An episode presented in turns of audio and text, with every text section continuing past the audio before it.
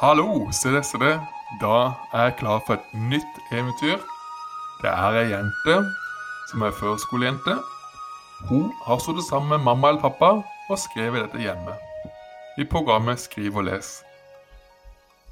Eventyret heter Den lille påskekyllingen som ville ut på eventyr. Den lille påskekyllingen hoppet inn i campingbilen for å dra av sted på eventyr. Han kjørte lenge, helt til han kom til et stort hav.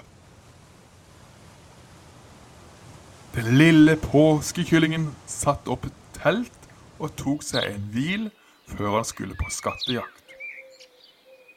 Skatten var gjemt under havet, og derfor måtte påskekyllingen dykke ned med en ubåt for å lete.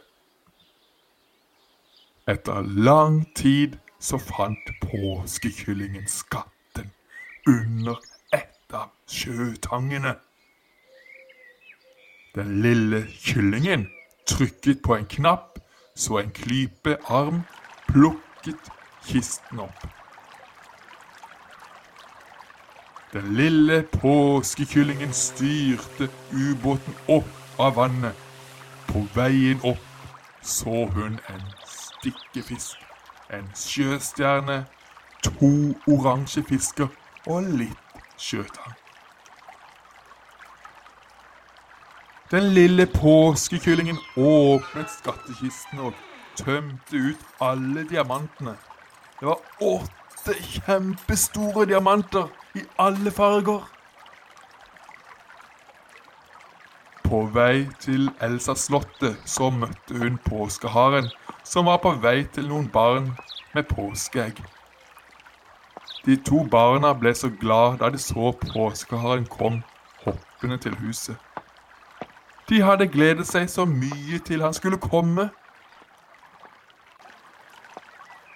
Den lille påskekyllingen gikk til Elsas slott for å gi skatten. Da fikk påskekyllingen ta med seg et gresskar som takk for at hun hadde funnet skatten. På vei hjem fikk den lille påskekyllingen lov til å ri på Elsas sin delfin. Påskekyllingen var glad og lykkelig. Snipp, snapp, snute, så var eventyret om den lille påskekyllingen ute.